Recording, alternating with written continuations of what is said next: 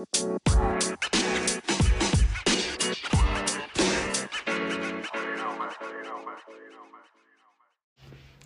hallo, folkens, og hjertelig velkommen til Inn i fremtiden med Martin og Magne.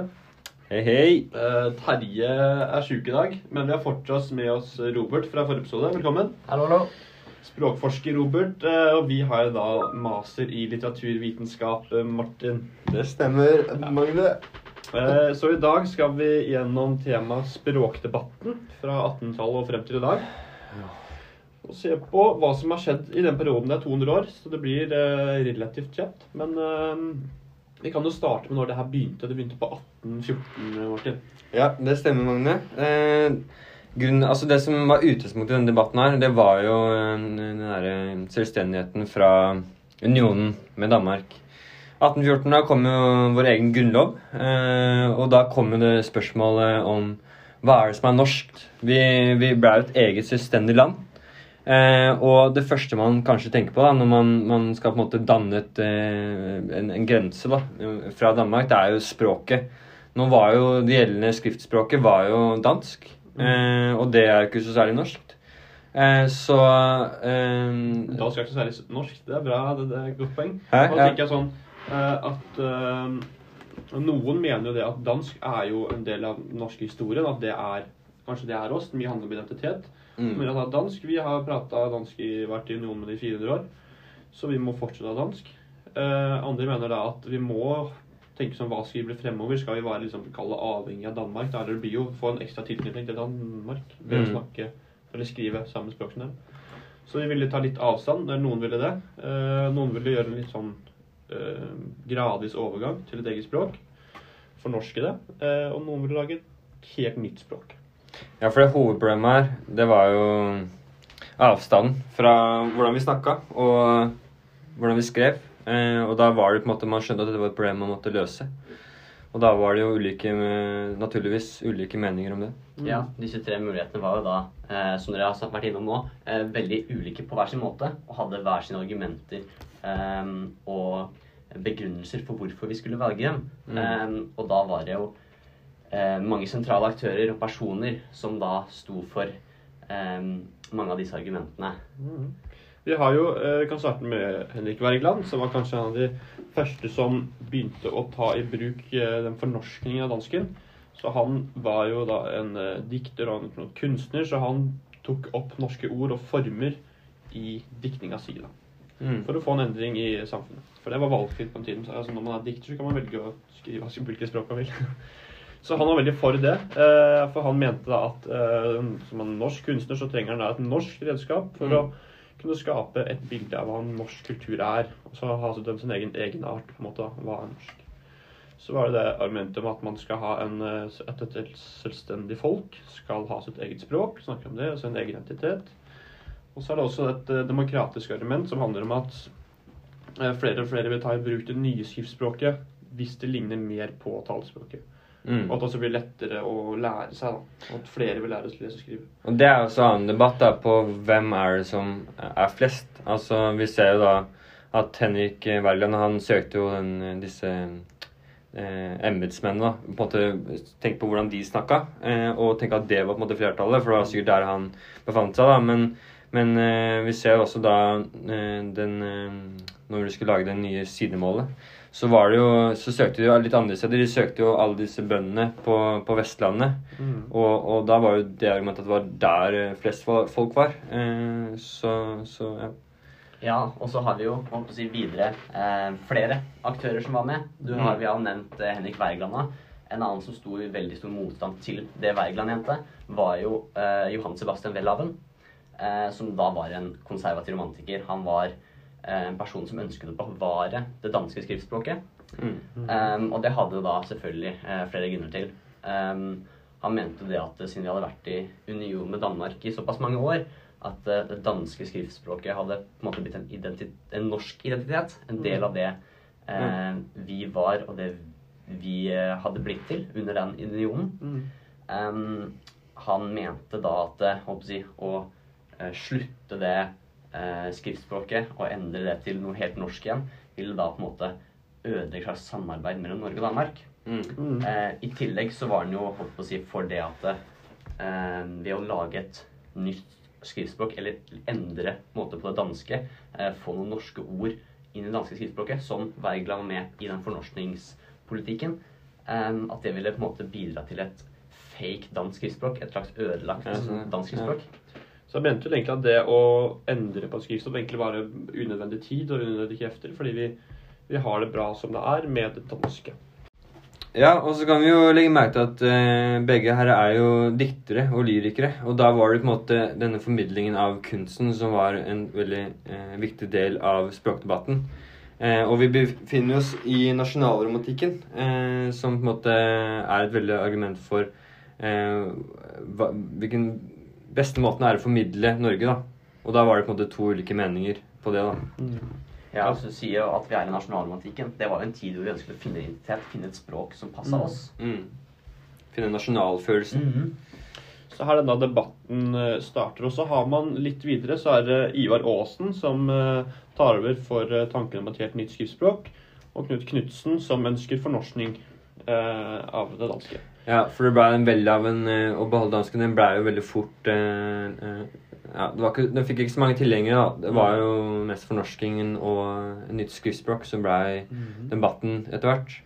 Så begge disse her, både Ivar Aasen og Knut Knutsen har mange hørt om, fordi eh, begge liksom eh, ga hele sitt liv inn i denne språkdebatten. Mm. eh, og hadde altså samme mål. De ønska jo å ha et skriftspråk for Norge, men hadde forskjellig vei til målet. da, fordi Ivar Aasen var jo da rundt om eh, altså samla alle de bøndedialektene, og så så på hvilke ord de brukte, hvordan de bøyde orda, hvordan de forma setningene sine. Og så tok han da fellestrekka, og så lagde han sitt eget språk.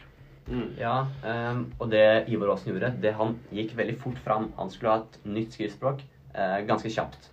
Ehm, på den andre siden så sto jo Knut Knutsen, og han ville på en måte bruke litt mer tid. Han ville bearbeide et språk i litt større grad. Mm. Ehm, så ta utgangspunkt i danske og bare bygge litt på det.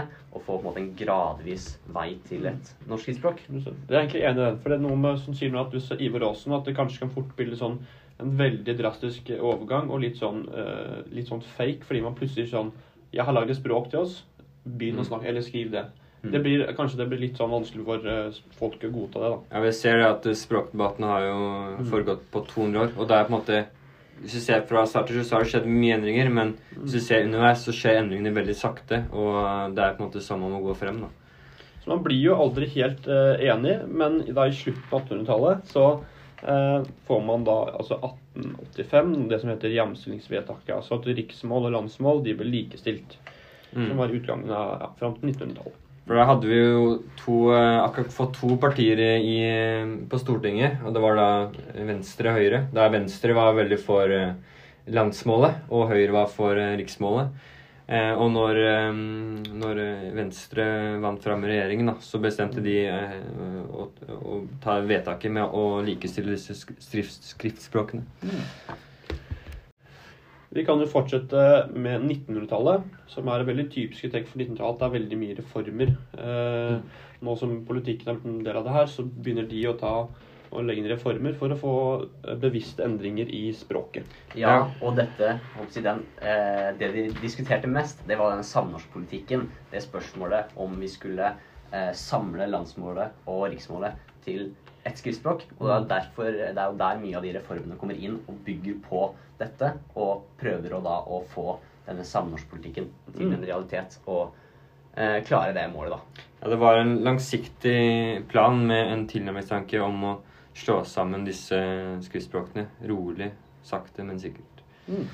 Så da, i 1901, så fikk det, var det en landsmålreform som gjorde at endring av ord slik at landsmålet ble et skriftspråk som man kunne brukes på skolen. Altså landsmålet ble da mer modernisert. da. Altså I 1907 så endra de fra harde konsonanter til eh, Nei, fra bløte konsonanter til harde konsonanter. Dette var jo for å få litt avstand fra, fra da, eh, det danske språket, da. Fordi det var jo veldig mye sånn her eh, b-er og g-er og sånn istedenfor p og, og, og k.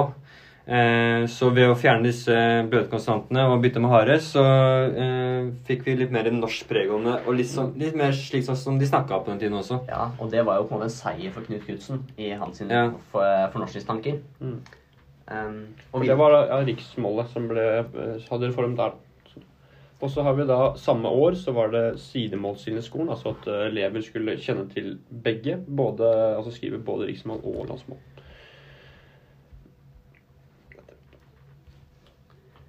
Og, ja, og så kommer vi videre til eh, disse folkemålsreformene eh, som ble innført eh, for å samle eh, skriftspråkene. Um, og det ble innført si, for å få en del fellestrekk. Um, ord som eh, det si, Vi fikk ord med anelser, eh, sånn som brua, troa og kasta. Uh, Istedenfor bruen, truen eh, og kastet. Mm. Eh, og dette var jo på en måte med på å samle dem eh, med på den tilnærmingstanken. Ja, fordi folkemålet, det var jo eh, Eller folketalen, da. Det var det de snakket eh, i, i arbeiderklassen.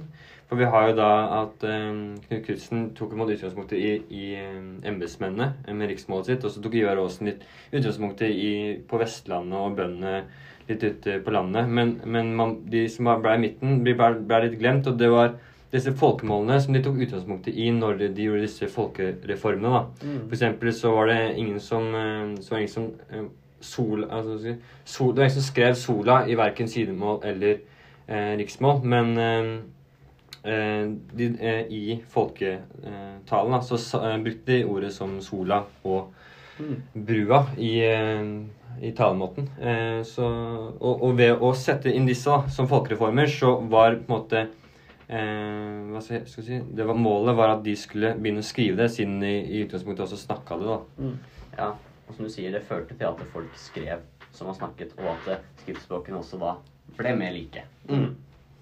Stemmer.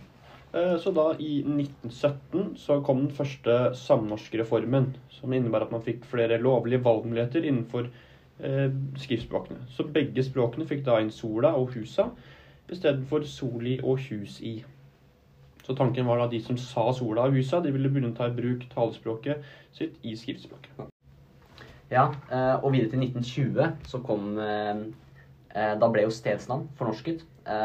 Vi fikk Kristiania istedenfor Oslo, og Bratsberg istedenfor Telemark. Og dette var jo på en måte også da en del av den fornorskingstanken.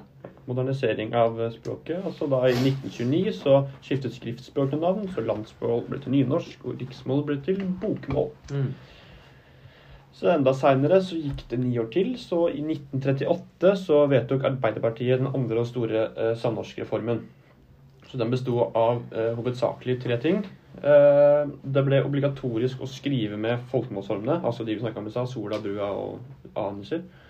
Eh, det ble innført eh, radikale valgreformer, som gras, Heim og Kjerka. Det var mange som ikke likte disse reformene fra Arbeiderpartiet. Eh, veldig Ja. radikale. For å si at det her har du jo vært ganske flinke med på en måte å gjøre en sakte og, og, og rolig eh, langsiktig plan da, med å slå det sammen. Men her så, så ble rett og slett disse tiltakene ble litt for eh, raske og ja, radikale. da, Som at folk Nå begynte det å komme virkelig protester da, mot, eh, mot samnorskplanen. Mm.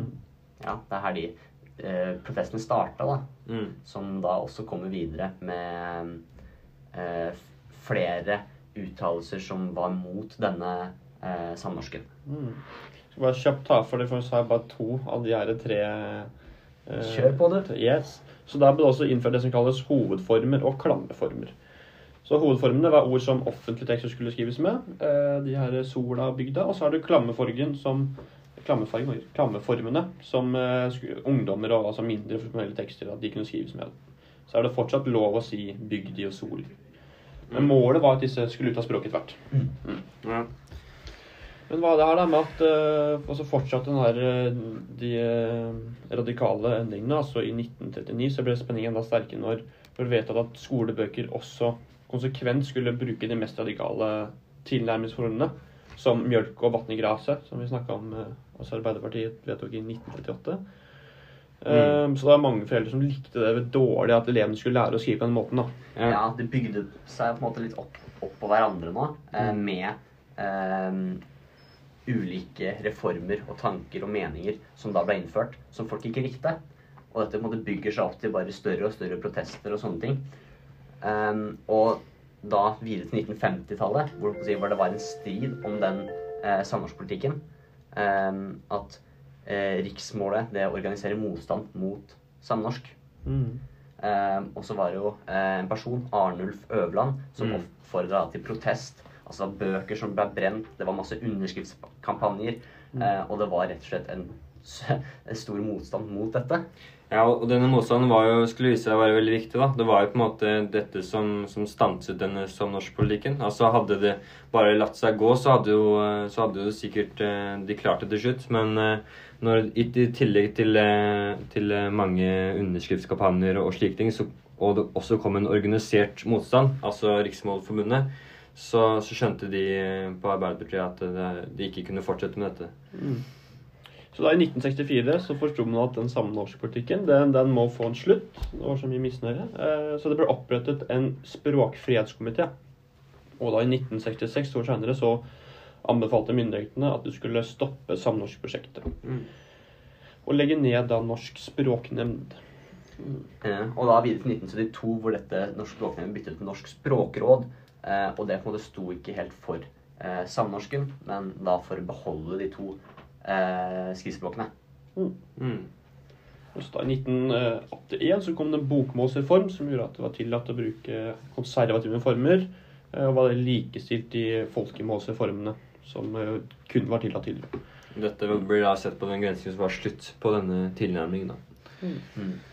2000-tallet, ikke sant. Klammeformer ble fjernet eh, i begge skriftspråkene. Mm. Eh, og det prosjektet da med samnorsken som jeg snakket om, det ble avlyst og ble lagt på is. Eh, Så man er litt tilbake til der man eh, skal si, starta. Mm. Man har eh, to skriftspråk som er formelt eh, likestilte. Men etter de åra så har vi det ført til at man har mer valgfrihet i hvilke ord man vil ta i bruk. Som også da fører til at de er litt like hverandre, som har flere fellestrekk i eh, språkene. Mm. Men eh, kontra tidligere så er det Før så var det mange som hadde sidemål som sitt eh, hovedmål. Men nå er det kun 10-15% som gjør debatten litt annen. For vi kan jo se, hadde vi vært eh, Hvis du tenker, hvis vi skal prate om dagen i dag, da, hvordan hadde det vært hvis, hvis samnorskpolitikken, eller altså samnorsken, eh, det ble noe av det? Hadde vi vært fornøyd med det?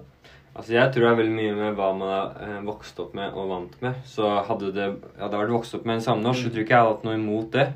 Men også med at jeg er vant med bokmål, så tror jeg jeg hadde vært, eh, også vært litt motstander av å, å eh, slå sammen disse skriftspråkene. Og det vil jo alltid være noen som er vokst opp med skriftspråkene. Så det vil jo alltid være noen som også er motstand for eh, ja, sånne endringer da, i skriftspråket. Det er noe med at Man kjenner jo veldig at man har litt tilhørighet til språket sitt, så man vil egentlig endre veldig på Man skjønner jo at eh, debatten går såpass dårlig, men folk sier at nå skal du gjøre skrive sånn, og du har jo aldri skrevet sånn, du prater jo ikke sånn. Det er jo Nei. sånn man tenker. altså Veldig sterk tilknytning til sitt språk. da. Ja, det vanskelig ville nok fortsatt blitt en del motstand, Mm. og fordi at det er såpass nær vår identitet, Mm. språket.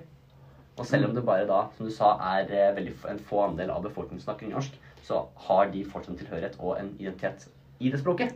Ja, for det er litt sånn På den debatten her så kan man ikke bare tenke praktisk. Det er på en måte så mange individer her i, i spill. Og, og det med at eh, det er, nå er det jo bare 10% som, eh, 10-15% som, som skriver nynorsk. Men man må jo ta hensyn til de òg. Eh, men jeg vet ikke. Hva syns dere er den beste løsningen å ha to Jeg eksamener i tenker jo, altså, Si da at på den tida her så hadde vi det, mens på midten vi tar eh, altså, eh, Bokmål blir litt like nynorsk, nynorsk litt like bokmål, så vi får samnorsk.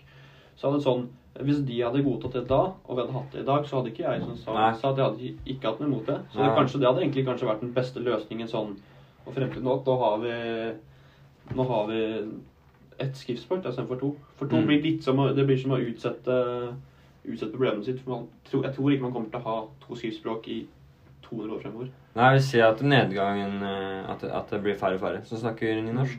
Så får vi se hva som skjer videre. Kanskje jeg plutselig så snakker vi engelsk istedenfor.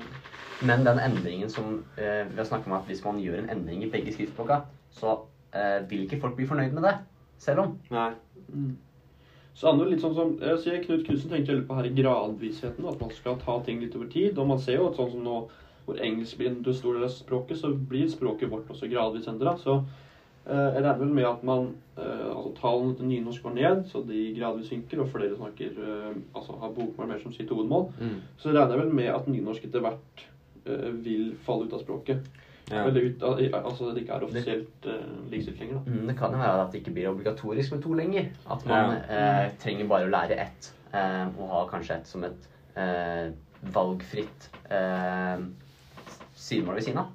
Ja, for jeg tror de fleste har godt av på en måte, å lære litt om språkhistorien og på en måte få et innblikk i litt hva nynorsk er og, og hvorfor den har kommet og sånn, men at alle i hele Norge skal lære et skriftspråk som de mest sannsynlig aldri kommer til å bruke, eh, og som eh, en minoritet bruker, det er, det er eh, ja, det, Du bør jo finne en bedre løsning på det, egentlig.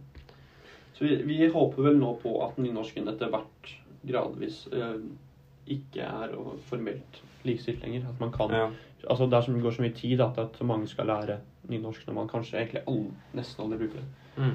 Utenom at kanskje nå så er det et krav på at man skal kunne svare på nynorsk hvis man får formelle tekster av kommunen eller annet, men tenker at denne reformen er bare å ta vekk, så ikke det er eller et krav lenger. da. Det hadde vært mulig.